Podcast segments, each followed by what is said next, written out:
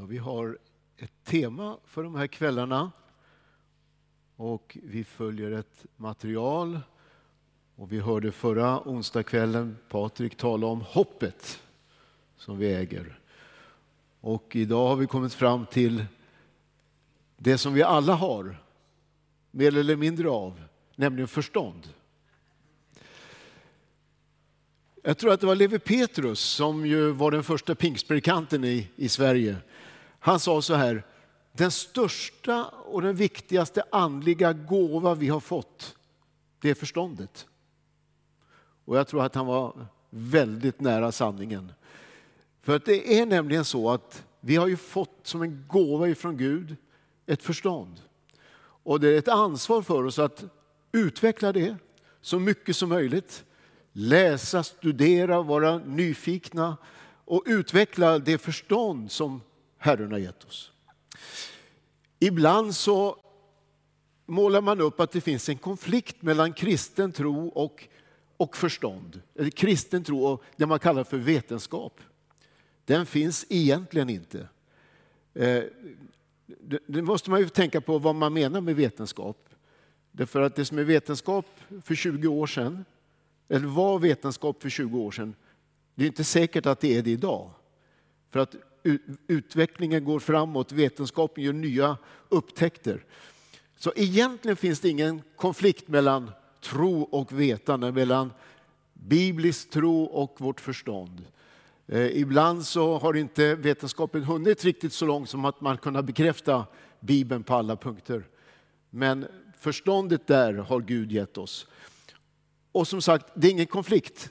Paulus han säger vid ett tillfälle, vi ska lovsjunga med vår ande, men vi ska också lovsjunga med vårt förstånd. Förstår du? Det går liksom hand i hand. Guds ande, det andliga i oss tillsammans med, med vårt förstånd. Så att det är ingen konflikt mellan tro och vetande eller förstånd. Tvärtom är det så att Gud samarbetar och använder naturligtvis vårt förstånd. I Markus evangeliets det tolfte kapitel, och jag tror att vi ska få den bibelversen, när Jesus citerar eh, Gamla testamentet och han säger du ska älska Herren din Gud. Och det här säger han som svar på en fråga vad som är det viktigaste i skriften. Älska Herren din Gud av hela ditt hjärta, av hela din själ, av hela ditt förstånd och av hela din kraft. Ser du hur Gud vill använda och, och eh, eh, samarbeta med vårt förstånd och att vi ska älska honom med vårt hjärta men också med vårt förstånd. Paulus säger så här i andra Timotebrevets eh, andra kapitel, den sjunde versen. Och den här översättningen säger Förstå rätt vad jag säger. Det är Paulus som talar här. Herren ska ge dig insikt i allt. Det finns en annan översättning som säger Herren ska ge dig förstånd i allt. Det är ju samma sak. Så Gud vill hjälpa oss att förstå, att ha ett förstånd som begriper det som är runt omkring oss, men också, som jag kommer till, som ser det kan, ibland en, en annan dimension än bara det som vi kan se med våra ögon.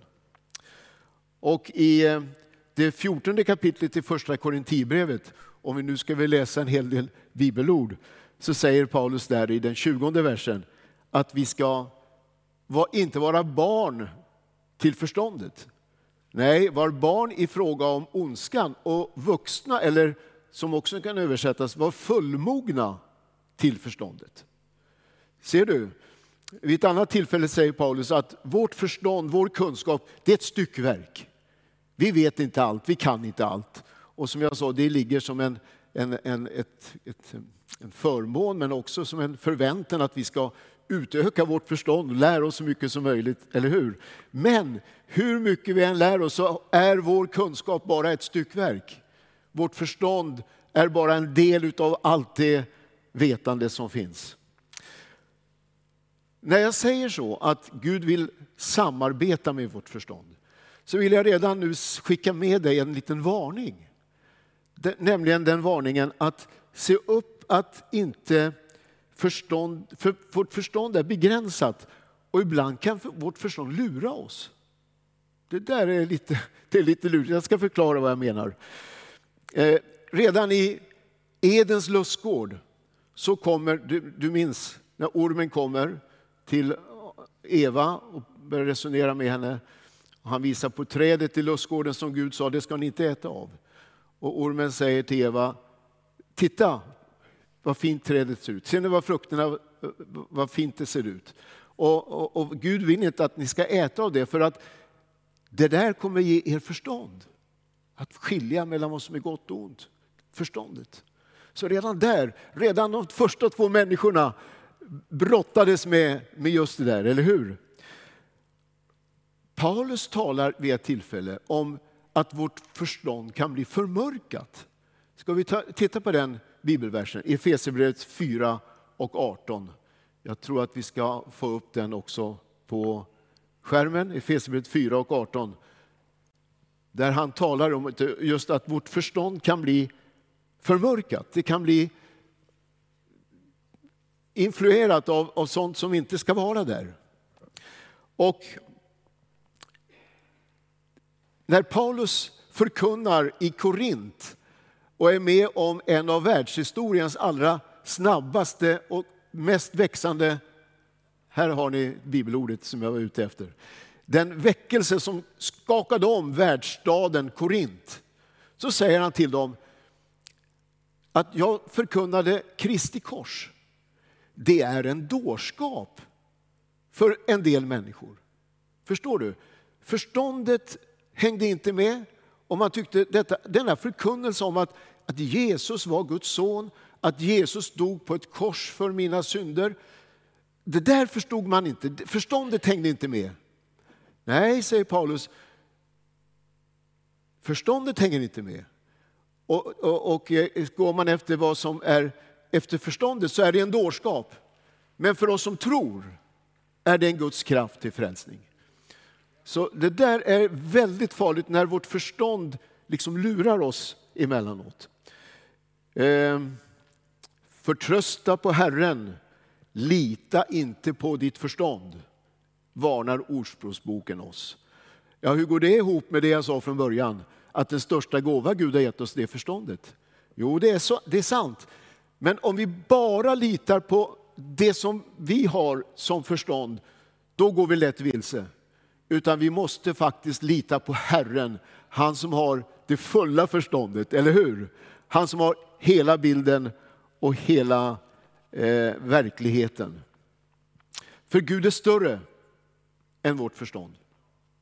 Vårt förstånd är ett styckverk, men Gud han är inget styckverk, han har fullheten. Vi hörde alldeles nyss Rebecka citera ett bibelord från Efesierbrevet 4 där det står att Guds frid övergår allt förstånd. Vi ska se på Efesierbrevet 4 och 7. 7. Nej, då har jag citerat fel. Då får du ta bort det där bibelordet. Det var ett felcitat. Eh, eh, vi hörde det ifrån Rebecka, att Guds frid övergår allt förstånd. Det där är intressant. Alltså, det finns inom medicin något som heter bypass. Har du hört talas om det?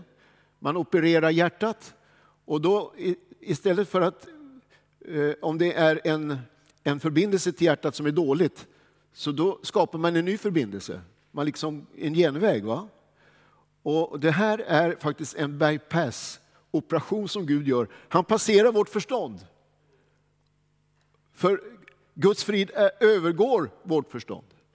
När vårt förstånd säger, jag borde vara väldigt orolig just nu, därför att min ekonomi är så här och det här kan gå precis hur som helst. Så kan man känna att det finns en frid som övergår förståndet. Mitt i den där oron. När läkaren skickar ett besked och man har anledning att vara jätteorolig så kan Guds frid övergå vårt förstånd och skapa frid i våra hjärtan. Det där är fantastiskt. Och det där kan du tillämpa eh, på olika sätt i ditt liv och jag gör det i mitt liv. Vi behöver den här eh, genvägen som passerar förståndet vissa gånger och som skapar frid i våra hjärtan. Det kan vara lugnt i hjärtat därför att vi vet att Gud är större än omständigheterna. Förståndet säger en sak, men eh, Guds frid säger någonting annat. Och då litar vi på Guds frid och inte på vårt förstånd.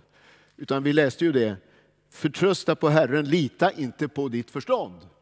Nej, när Guds frid säger någonting då lyssnar vi på det. Guds frid talar högre än det vårt förstånd säger. Eh, I Ordspråksboken, det finns mycket fint i Ordspråksboken. Jag hoppas att du läser den boken. I det nionde kapitlet, där, i den tionde versen, så står det så här att känna den helige, att vörda Herren, är början till vishet. Att känna den helige är förstånd. Nu är vi någonting på spåren här. Därför att förståndet, det är inte bara att plugga på universitet och i skola och, och, och följa med i dagstidningar och få information så. Utan framför allt är förståndet att lära känna Gud. Han som är fullheten, han som har all kunskap, han som är, uppfyller allting. Så att känna den Helige, att lära känna Gud, och jag kommer till det strax, det är det bästa sättet att få ett fullmoget förstånd. Inte ett, bara ett platt förstånd, utan ett förstånd som har alla dimensioner. Du vet, om man tittar på en, en sak bara i två dimensioner så får man en uppfattning. Men om det blir tredimensionellt, då, det är ju samma sak men du får, du, du får en mer, bättre bild av det, eller hur? Och det kan finnas, finnas ännu mer av dimensioner. Det är det Gud vill göra. Gud vill eh, förstärka och hjälpa oss att förstå på ett riktigt sätt. Vi behöver nämligen, mitt förstånd behöver den heliga Ande för att få alla dimensioner och se det Gud verkligen tänker och menar. Och jag tror det är likadant med dig. Eh, det finns ett långt avsnitt, ett helt kapitel faktiskt, i första Korinthierbrevets andra, eh, eh, det andra kapitlet. Vi ska inte läsa det i sin helhet, men det är väldigt intressant. För där talar Paulus om hur vårt förstånd behöver, vi behöver den heliga Ande för att verkligen kunna förstå djupen hos Gud det som finns hos Gud. Eh, ta dig gärna tid och läs det andra kapitlet i första Korinthierbrevet. Vi har lite begränsat med tid nämligen här. Ett jätteintressant sammanhang som talar om att vi behöver den heliga Ande för att kunna förstå, för att Gud ska kunna hjälpa oss att förstå, inte bara det som ligger liksom närmast för oss för ögonen, utan till och med hemligheterna i Gud. Bara den heliga Ande som vet vad som finns i Gud. Paulus säger det är bara din ande som vet vad som finns i dig. Eller hur? Eh, jag känner ju en del av er här och jag vet ungefär, en, eh, jag kan en del lite bättre än andra, jag vet ungefär hur ni tänker. Men det som finns i hjärtat, det vet inte jag. Det som finns i din ande, det vet inte jag. Inte ens din närmaste partner eller vän vet det. Det kan man dölja. Men Gud vet, eller hur? Och den heliga ande vet vad som finns i Gud. Och han är den som kan uppenbara för oss. Och Paulus pratar där om vårt behov av den heliga ande för att vårt förstånd ska bli komplett och inte bara platt utan att vi ska få alla de dimensioner som finns där. Det är viktigt att ha förstånd. Det är viktigt att förstå sig själv. Låt mig säga det först. Att förstå sig själv. Det finns en psalm i Saltaren i Bibeln som jag ofta kommer och läser och, och tänker på. Det är psalm 139. Och där står det så här, det är David som ber. Eller börjar med att han, han konstaterar, han säger Herre, du utransakar mig och känner mig. Gud, du, du vet alltså vem jag är. Och så fortsätter han att säga, om jag sitter eller går, vad jag nu gör, mina handlingar känner du. Han går ett stycke längre och han säger till och med innan ett ord är på min tunga så känner du Gud det till fullo. Och han går ytterligare ett steg och han säger, du förstår mina tankar fjärran ifrån. Förstår du? Guds kunskap om oss. Och Det börjar med i salmen att han konstaterar det. Och salmen slutar, nu har vi inte tid att läsa det, men om du läser slutet av psalm 139 skulle du se att han använder precis samma ord fast som en bön. Han säger Herre, utransaka mig, känn mig, se till om jag är stad på en olycksväg och led mig på den rätta vägen. Så det som börjar med en, en, ett, ett fakta, det blir sen en bön i hans liv. När han, när han gått igenom hela den här underbara salmen så slutar han med Herre, Utrannsaka mig, känn mig. Tänk att det finns en Gud som känner oss och han vill hjälpa oss att förstå oss själva. Eh, skikten i våra liv, det som ibland man försöker få hjälp med av psykologer och andra. Gud hjälper oss, han tar oss ner och han hjälper oss att förstå oss själva. Man brukar säga att ärlighet varar längst. Eller hur? Har du hört det? Och det är sant. Speciellt när det gäller oss själva. Ärlighet varar längst. Att ha rätt kunskap, en sund kunskap om sig själv och vara sann med sig själv. Det finns ett eh, uttryck som jag har studsat till inför när man läser, det står bland annat i första Johannes brev, där, där Johannes säger så här, bedra inte er själva. Det här, har du tänkt på det? Alltså vi, det är bland det värsta man kan vara med om när man blir bedragen av någon. Man blir lurad. Eh, bedrägeri, det är jobbigt. Men tänk att man kan bedra sig själv. Ja? Leva i självbedrägeri. Man lurar sig själv. Och jag tror att det är ganska vanligt. Jag tror till och med det är ganska vanligt för mig. Och kanske det också i ditt liv. Att vi lever ibland i någon sorts självbedrägeri. Bedra inte er själva. Om vi säger att vi inte har synd bedrar vi oss själva. Det finns människor som säger idag, jag är inte värre syndare än alla andra, jag, har inte, jag försöker leva ett hyggligt... Ja, men man bedrar sig själv. Därför att när sanningen ska fram, när vi ska vara ärliga, så inser vi alla, vi är syndare. Och vi, det, det, är bra att erkänna det, för att då kan man få förlåtelse och syndaförlåtelse och upprättelse. När jag var ung evangelist så var jag ganska mycket ute på skolor, träffa skolelever. Och det kommer ju ofta det här fram med, vad, vad är synd? Och, och, och liksom det där syndabegreppet. Och jag brukade ofta ta bara en, en ställa en fråga. Eh, först kom alla överens om att, men att ljuga, ja, det, det, det är fel, det är synd. Ja, det var alla överens om. Så ställde jag en liten fråga då kanske till andra klassare, tredje klassare, du vet. Är det någon här inne som har ljugit? Och det kunde variera lite grann. Ibland gick det fort, ibland så till slut var det en liten modig en som räckte upp handen. Men det slutade alltid på samma sätt. Alla nävar i, i luften. Och min näve i luften. Och frökens längst bak i luften. Alla kunde konstatera, ja, visst, vi bedrar inte oss själva, vi är syndare, vi behöver Gud. Men det finns också andra områden i våra liv där man kan bedra och lura sig själv. Jakob talar om, om samma sak. Han säger att vi kan bedra vårt hjärta. Så jag vill bara skicka med den här som en, en tanke. Var ärlig mot dig själv. Och när den heliga Ande visar någonting i ditt liv, var ärlig, var sann. Bedra inte dig själv. Det är ju Andra kan bedra dig, men se till att du är ärlig mot dig själv.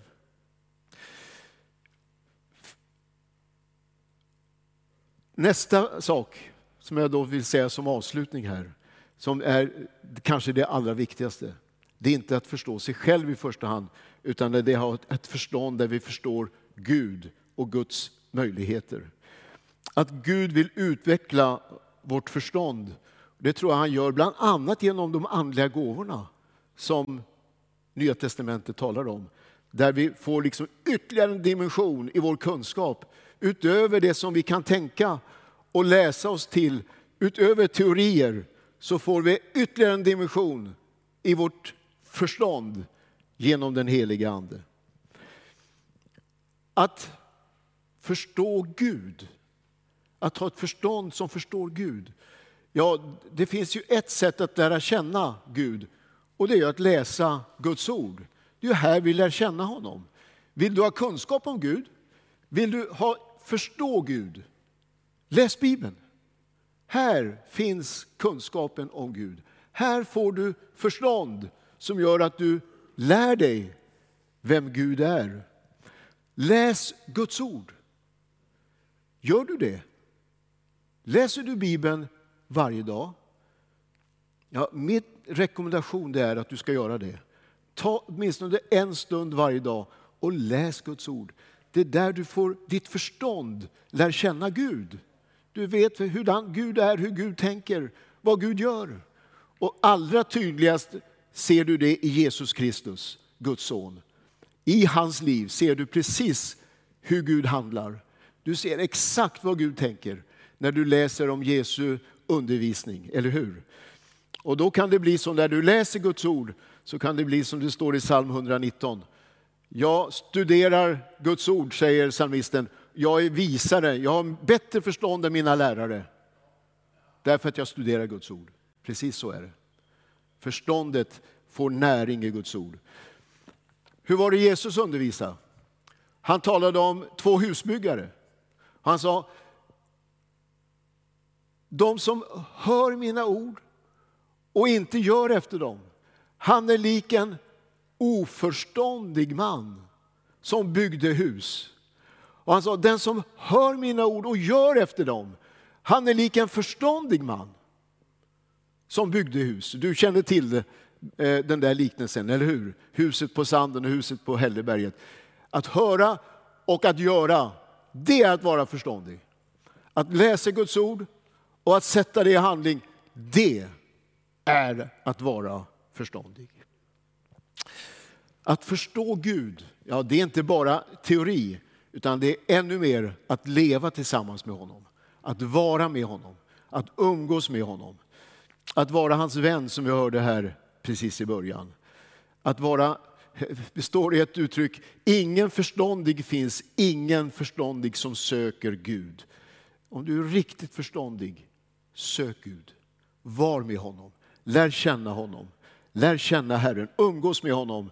Hans person, hans personlighet, det är fantastiskt att få kunskap om Gud, att få ett, ett förstånd som är i takt med honom. Så alltså, använd ditt förstånd. Var rädd om ditt förstånd, utveckla det så mycket du kan.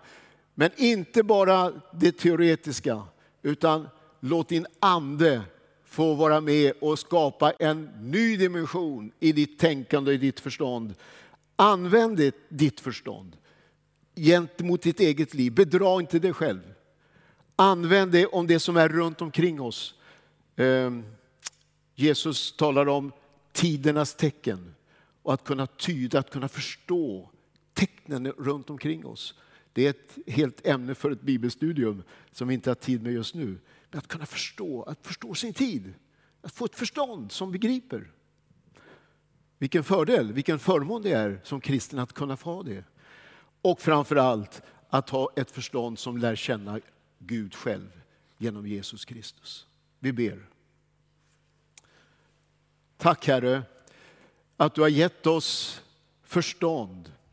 Och även om vi tycker att det är eh, bristfälligt i våra liv ofta, så tack att du, det du har gett oss, vi vill använda det, vi vill, det pund du har gett oss vill vi bruka. Men framför allt så ber vi Herre att vi ska kunna få den här nya dimensionen i vårt förstånd.